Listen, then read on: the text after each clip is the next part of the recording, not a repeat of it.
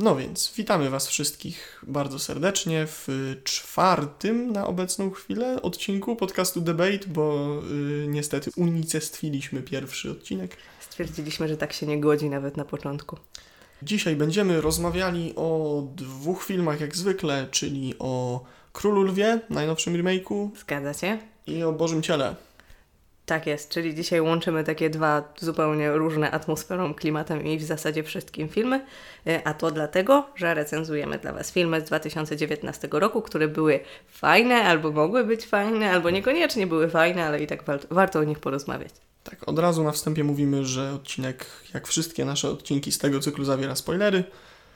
Mm, Raczej nie bawimy się w ukrywanie spoilerów, y, więc uważajcie.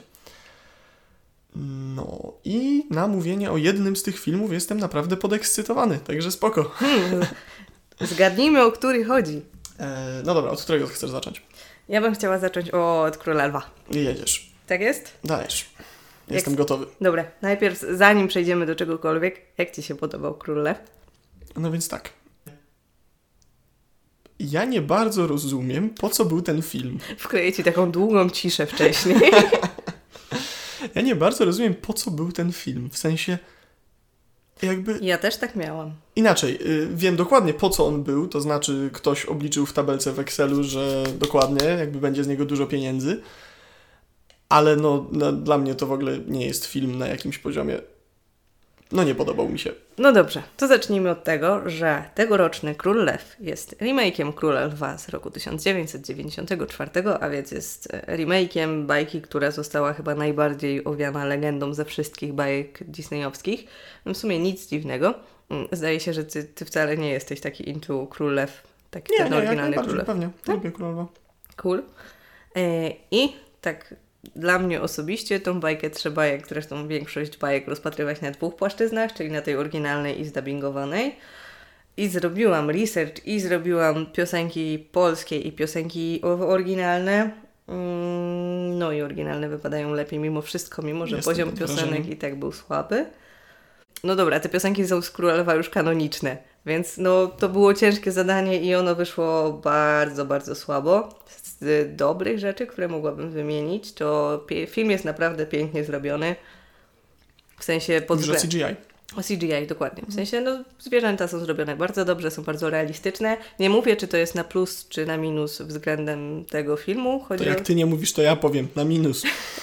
W każdym razie y, już widzę tych wszystkich animatorów, y, ile musieli uroczystości rodzinnych, ile urodzin dzieci ominąć, żeby zanimować to. I uwaga, uwaga, 600 milionów pasm włosów, 60 gatunków zwierząt ponad i ponad 9 tysięcy bohaterów.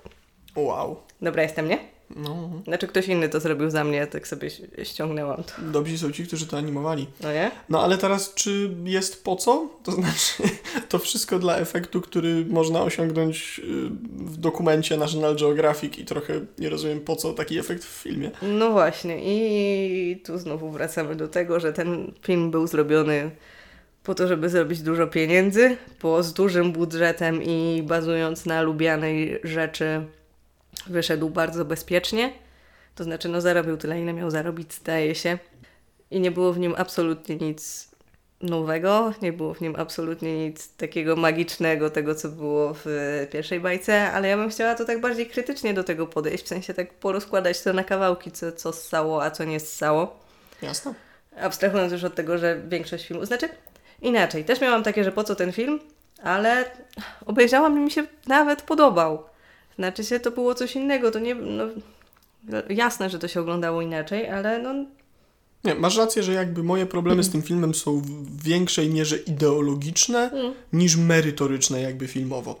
To znaczy, no dla mnie to jest po prostu jakiś taki trybik machiny korporacyjnego, złego świata i ja tego filmu nie znoszę na no ja właśnie poziomie. widzę, że się tak najeżyłeś, że nie jesteśmy w stanie za bardzo o niczym No, więcej porozmawiać. Nie, ale, ale jakby merytorycznie. No nie wiem, no to było, to było po prostu, po prostu member berries, nie wiem jak to inaczej nazwać. No, granie na nostalgii i wypuszczenie filmu, który jest, jakby tam nie było żadnych odważnych decyzji To prawda. jakby artystycznych, zero. To było po prostu najbezpieczniejsze jak się dało zerżnięcie oryginału i po prostu przerobienie w wersji CGI.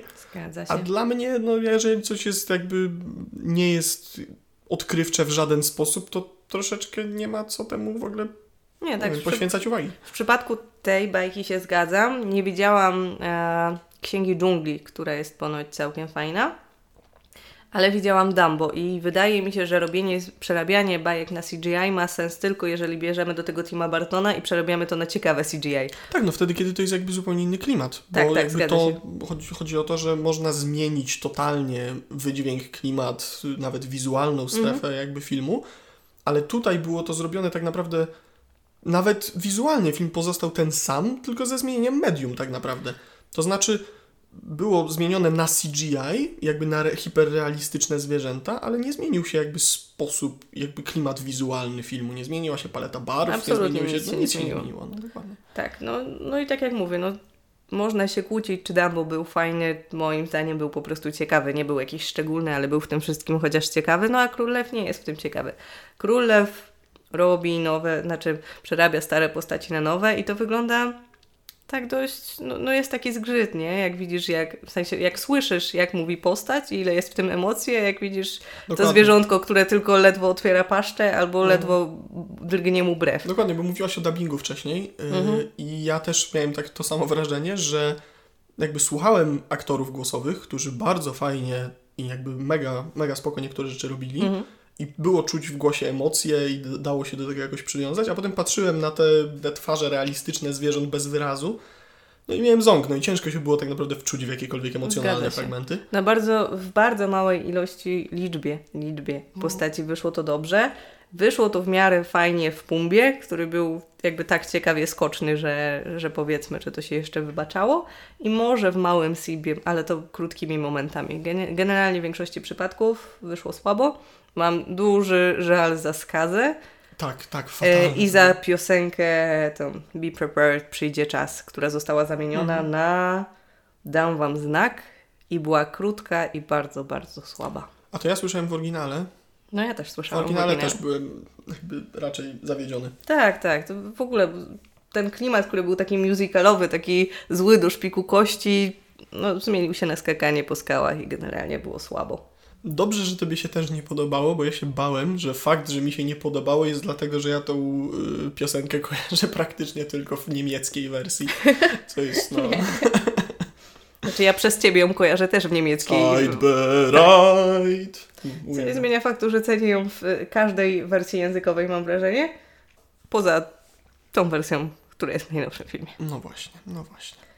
No czyli co, mamy film przerzucony na nowe medium wizualne, bez Mhm. żadnych zmian dla, jakby względem oryginału, z niestety nie tyle pominięciem, co z papraniem niektórych rzeczy, jak na przykład piosenki, który moim zdaniem i chyba twoim też wizualnie kłóci się, jakby ten, to nowe medium wizualne kłóci się troszeczkę z tym, jakby co film próbuje zrobić. Tak, bo I efekt zabieram- jest generalnie gorszy niż oryginał. Zabiera mu w tym wszystkim dużo magii, którą miała bajka. Magii, której no, nie idzie za bardzo oddać takim prostym CGI-em, w sensie prostym, no takim dokumentalnym CGI-em, o.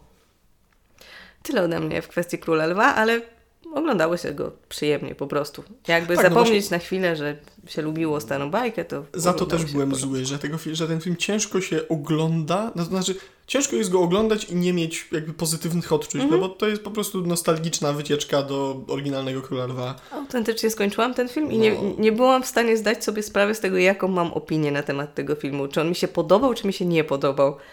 Nie- nie- Ciężko było do tego podejść jakkolwiek krytycznie. Jak prawdziwy y, recenzencki robot zwalczam y, pozytywne uczucia i, gardzę filmem. Tyle. Ostro poszło. No dobra. E, no Czekaj, i co? przerwa na nalanie wina. Śmiało, to ty nalewaj, ja wprowadzę nasz następny film. Kolejny film, o którym będziemy mówili, to jest y, najnowszy film Jana Komasy. Czyli pod tytułem Boże, ciało. Tak jest. No i w takim razie teraz ja zacznę. Jak tobie się podobał ten film? Oj, oj. Bardzo mi się podobał film. Kurczę, ja chciałam zacząć znowu, ale nie można być takim pazernym, bo wiele rzeczy mam przygotowane na temat tego filmu. Bardzo mi się film podobał. Uważam, że był przepięknie zrobiony, że scenariuszowo był całkiem ciekawy, chociaż no nie brakowało różnych rzeczy tam. E, I uważam, że aktor, czyli Bartosz Bielenia, o mój Boże, jak on do tego wszystkiego pasował, jaki on jest kosmiczny i plastyczny do tej roli, to jest niezwykłe. Bardzo mi się podobało. Dobra, zanim to wszystko zrobimy, może wprowadźmy film pokrótce. Yy, dla tych, którzy jakby są zainteresowani fabułą, yy, mimo że słuchają ze spoilerami, raz jeszcze przypominam. Co to jest film w reżyserii Jana Komasy, zapomniałam imienia, który opowiada historię Daniela.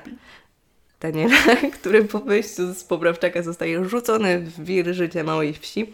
E, I jego zdawać by się mogło, że największym marzeniem jest zostanie księdzem, czego z uwagi na wyrok nie może zrobić, bo nie przyjmie go żadne seminarium. No ale w wyniku różnych zbiegów okoliczności e, Daniel zaczyna udawać księdza Tomasza, no i coraz bardziej angażować się w, tej, w życie w tej małej lokalnej społeczności. Jak już mamy fabułę w miarę z głowy, to o samym filmie, wracając do aktorstwa, bo o tym mówiliśmy, wypadałoby dokończyć, bo o tyle, o ile jestem jak najbardziej za dawaniem wielkich propsów Bartoszowi Bielani za jakby rolę Daniela, to najbardziej w filmie podobała mi się Aleksandra Konieczna. Czyli zakościelna, yy, jakby Mhm. postać zakościelnej, która pomaga księdzu we wszystkim. Skąd ja ją kojarzę jako taką. Znaczy, ona w wielu rzeczach grała, ale jest taka jedna rzecz, z którą ją bardzo kojarzę i nie mogę sobie przypomnieć. Znaczy, ja ją bardzo cenię jako aktorkę w ogóle polską. Polską. Zabrzmiało z przekąsem. No nie, no to tak trochę jest. Nie, ale tak poważnie. yy, No grała w, yy, na pewno w yy, Wieża Jasny Dzień, w Ostatniej Rodzinie na przykład. Nie, musisz mi mówić takimi rzeczami, o których ty nie masz pojęcia, typu seriale polskie albo coś takiego. Wiesz co, długo by grzebać. Okej. W każdym razie Aleksandra Konieczna gra po prostu bardzo subtelnymi rzeczami, co mi zawsze bardzo imponuje i to jest to, co mi najbardziej imponuje w aktorach, to jak rola jest bardzo subtelna, nic się w niej tak naprawdę dużego, wyraźnego nie dzieje, a mimo to jakimiś małymi gestami, mimiką, jakimiś na, najmniejszymi zmianami na twarzy, aktorzy są w stanie w punkt wygrać emocje i ona to robiła fast, jakby genialnie w tym filmie. Tyle tak naprawdę jeśli chodzi o aktorstwo, bo mimo to, że jest bardzo dobre w tym filmie, no to tak naprawdę show skradły jak dla mnie te, dwa, te dwie Zgadza postaci. Się. E, To jest film Jana Komasy, człowieka znanego z sali samobójców i z miasta 44 tak najbardziej. I to jest pierwszy film, w którym on się zdecydował powierzyć scenariusz komuś innemu do napisania. E, I wyszło to chyba na duży plus. Dobra, teraz taki, ten, ja nie jestem taka mądra, że tak myślę, tak mi powiedział mój wykładowca z filmów na dziennikarstwie. Dawaj. No właśnie to mi po, to, to powiedział na zajęciu. To nie jest takie moje mądre przemyślenie. Myślę, że y, jakby Soundwave nam tak walnął o sufit, jak się zaczęliśmy śmiać. Trudno. No, więc tak, y, jeśli chodzi o salę samobójców i miasto 44, to moim zdaniem najważniejsza rzecz, bo to, że powierzył scenariusz komuś innemu, w ogóle mam wrażenie, że y, ten film jest na jakimś poziomie bardzo dojrzały, na, może inaczej. To jest najbardziej klasyczny jakby z jego filmów, mam Mhm. wrażenie, na poziomie przede wszystkim wizualnym Tak, zgadza się. i jakby no, klimatu, powiedzmy, nadużywam tego No słowa bardzo historii często. mam wrażenie też. Tak, ale no najważniejsze jest mam wrażenie to, że ani razu nie pokusił się, tak jak było w sali samobójców czy mieście 44, o jakieś takie bardzo rozbuchane, wizualne efekty Mhm. wcięte w historię. Uważam, że to jest bardzo mocno na plus.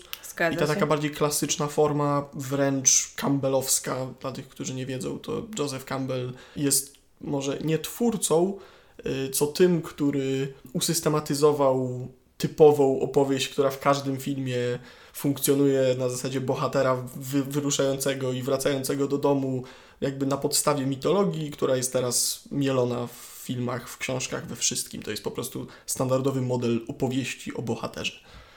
No, Ajaj. i ten film jest pod tym względem bardzo klasyczny, bo Mhm. nawet, mówię, nawet jakby w takim klasyczno, typowo campbellowskim stylu historia jest bardzo prosta, ale jest opowiedziana bardzo dobrze, yy, jest przede wszystkim bardzo emocjonalnie angażująca, To prawda, jest su- super pod tym względem. tak, i to na, na jakby część, yy, sporo laur za to powinni zgarnąć aktorzy oczywiście, ale scenariusz tutaj robi też mnóstwo dobrej roboty.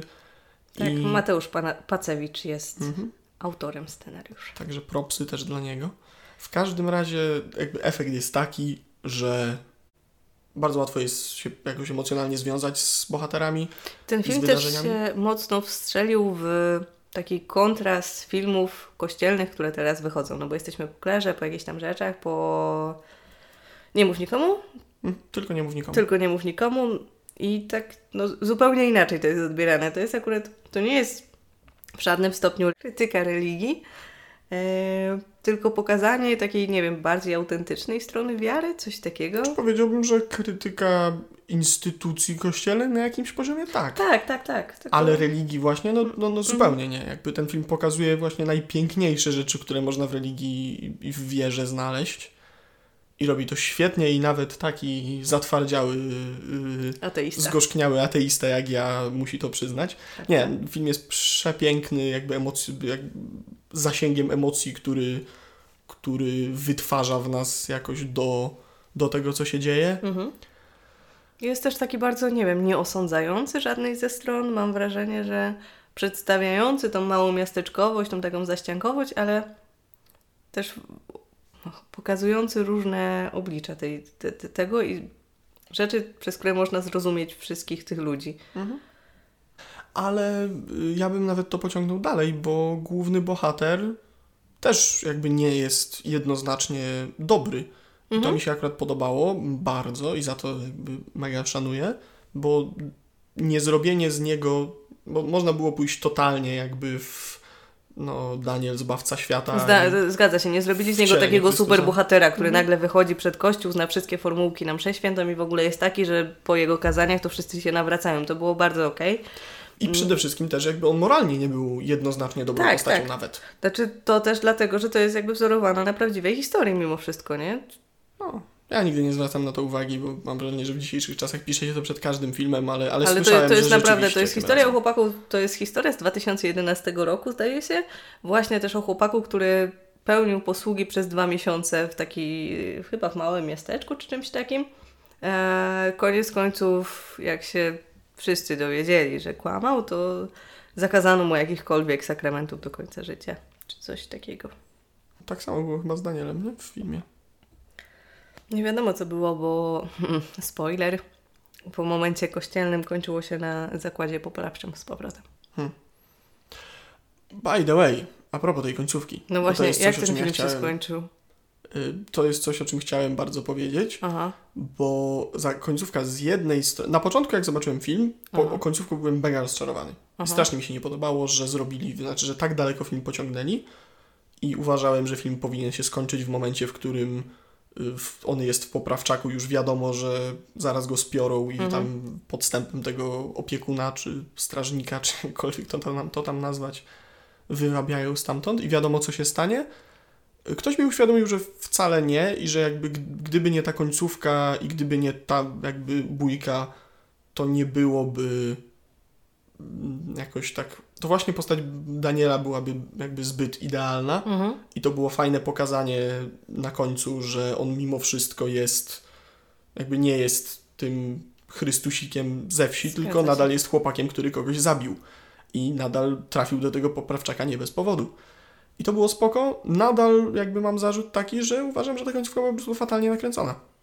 I Tak, ta tak. scena walki Bardzo to była było... beznadziejna. Bardzo to było niekonsekwentne pod względem e, ujęć. W tym momencie, gdzie ma się same statyczne ujęcia, w zasadzie kręci się tylko portrety w większości i tak dalej, i tak dalej, i nagle ma się dynamiczną kamerę, która zjeżdża od góry do dołu i dalej. Strasznie, to było niefajne. Te szwęki, te nie, nie, nie, nie. Ona się nawet trzęsła. To nawet już pomijając to, Mhm. że było, był tak zwany shaky cam, o którym się mówi, czyli po prostu zmiana cięć i szybka praca kamery, to, to ta kamera się dosłownie trzęsła. Ja rozumiem, jaki efekt to miało wywołać, ale jeżeli robi się coś takiego, a mimo to nie udaje ci się ukryć tego, że jakby widać bardzo wyraźnie, że aktorzy tak naprawdę się nie biją, tylko kończą ciosy o 5 cm od, od Mhm. swoich twarz, to ten efekt jest po prostu trochę śmieszny. Twarze.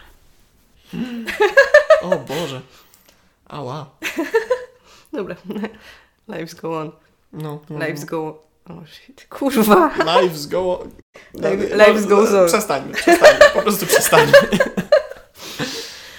No, więc, ale poza końcówką, jakby wracając do tego, co było w filmie zajebiste, bo było tych rzeczy bardzo dużo, no to aktorstwo jakby jest genialne, statyczne ujęcia, o których wspomniałaś, bo zdjęcia w tym filmie też są świetne. Mhm, przepiękne. Nagłośnienie jest świetne, co niestety o polskim kinie można powiedzieć dopiero Też- od niedawna. Nie ma czegoś takiego, przynajmniej nie było w większości przypadków. Yy, no bo siłą rzeczy, jak ogląda się polskie filmy, bardzo często jest łatwo zauważyć tą sztuczność wśród aktorów. To jest coś, co ciężko jest zauważyć, jak się nie żyje w danym kraju, nie słucha danego języka przez no, większą część swojego życia, ale co jakby żyjąc w Polsce, będąc i tak dalej, i tak dalej, bardzo słychać w filmach polskich, że każda ta taka najmniejsza sztuczność jest bardzo, bardzo łatwo wyłapywalna. I w tym filmie to było tak zminimalizowane. Znaczy, no były, były momenty, zwłaszcza jak się przedstawiało tą taką młodzież wiejską, powiedzmy. Czy ja wiem? No nie wiem, ja jakoś nie miałem z tym problemu, w sensie, może to jest kwestia, kwestia kontrastu, tak jak mówisz, że jakby zazwyczaj jest bardzo dużo przykładów tego, kiedy to jest zrobione słabo, Mhm. więc teraz przez kontrast wydawało mi się, że nie było żadnych problemów, ale ani przez sekundę chyba nie miałem w filmie jakoś wrażenia, że to jest sztuczne. Ja to ja jakoś. miałam takie momenty, miałam też momenty, kiedy pojawiała się ta postać wójta. Mhm. Mimo, że tego aktora cenię bardzo, no to jednak, no nie wiem, co, coś mi w tym zgrzytało. I jedna rzecz pod względem postaci, do której mogłabym się przyczepić, y, to jest relacja między Danielem a dziewczyną Martą, Mhm. która, no nie wiem, jakoś nie, nie, nie czułam tego Chemii? chemii między nimi zupełnie. Może tak miało być, może to o to chodziło, ale no nie, nie bardzo mi się to zgrywało. Znaczy nie, to prawda, że to była jakby relacja troszeczkę jednostronna, troszeczkę jakby oparta na jej podziwie Mhm. dla niego. Mi się wydawało, że nie wiem, czy to był zamierzony efekt, ale masz, masz rację w tym temacie zdecydowanie. Dobra, jak już wspomnieliśmy o sztuczności, jakby i bardzo dużo mówiliśmy o tym, co jest właściwe dla polskich filmów albo nie, to ja bym chciał jakby wspomnieć o jednej rzeczy, bo słyszałem parę razy, jak ktoś mówił, i naprawdę nieraz, że to jest polski kandydat do Oscara. O Boże, ludzie, nie. tak nie lubię maniery nazywania każdego dobrego polskiego filmu kandydatem do Oscara. Chciałam to powiedzieć dzisiaj przy recenzji. Tak, tak, Nie, nie właśnie. chciałam. Nie, jakby. Ja, ja wszystko rozumiem. To jest świetny film, wszystko super, ale to jest film tak polski Mhm. i jakby tak nie. Nie wiem, nieprzystosowany dla, obco, dla, dla jakby zagranicznego widza. No ten film jest o Polakach i o Polsce i na taki bardzo niszowy, zamknięty sposób. Mówiliśmy o Jokerze parę odcinków temu. Nie, nie o Jokerze, tylko o Parasite. I jakby Parasite jest właśnie filmem, przykładem filmu zrobionego w taki sposób, że jest, mimo że jest filmem Bardzo lokalnym. tak, to nie jest kierowane Mhm. tylko i wyłącznie do widza lokalnego. Ja nie mówię, że to jest jakby, że to jest coś złego, że film jest kierowany lokalnie i jest o danej społeczności, o danym kraju i tak dalej, i tak dalej. No ale nie nazywajmy, błagam, tego jakby kandydatem do Oscara, bo to jest no po prostu głupie. Zgadzam się. W sensie to jest takie nastawianie się, które jest bezsensowne dość. Uwaga, uwaga, dźwięki kibla. Wino na lewo. Szanujmy się. Eee, znaczy, ja rozumiem, że ludzie sobie po- lubią robić nadzieję takimi rzeczami i, i lubią mieć świadomość, że może gdzieś tam wyjdziemy w świat. Zresztą widać to przy każdym momencie, jak Polak zagrał trzecioplanową rolę w filmie Quentina Tarantino czy coś takiego. No, Znaczy, ale cóż. Mam nadzieję, że to się będzie zmieniało, bo jakość polskich filmów moim zdaniem idzie bardzo do przodu. To, To jest temat na cały jakby osobny odcinek i może taki rzeczywiście zrobimy.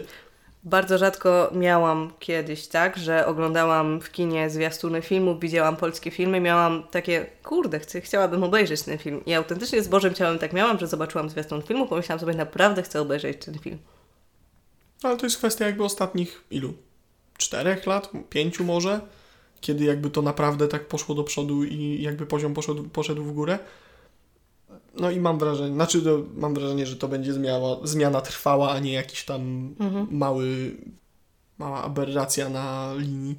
W każdym razie Boże. Ciało, Boże Ciało jest dobrym przykładem tego, jakby jak polskie filmy idą do przodu.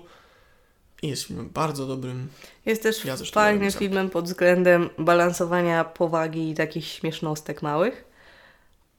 To prawda? Fajne są te momenty rozładowa- rozładowywania napięcia i na tym chciałabym zakończyć.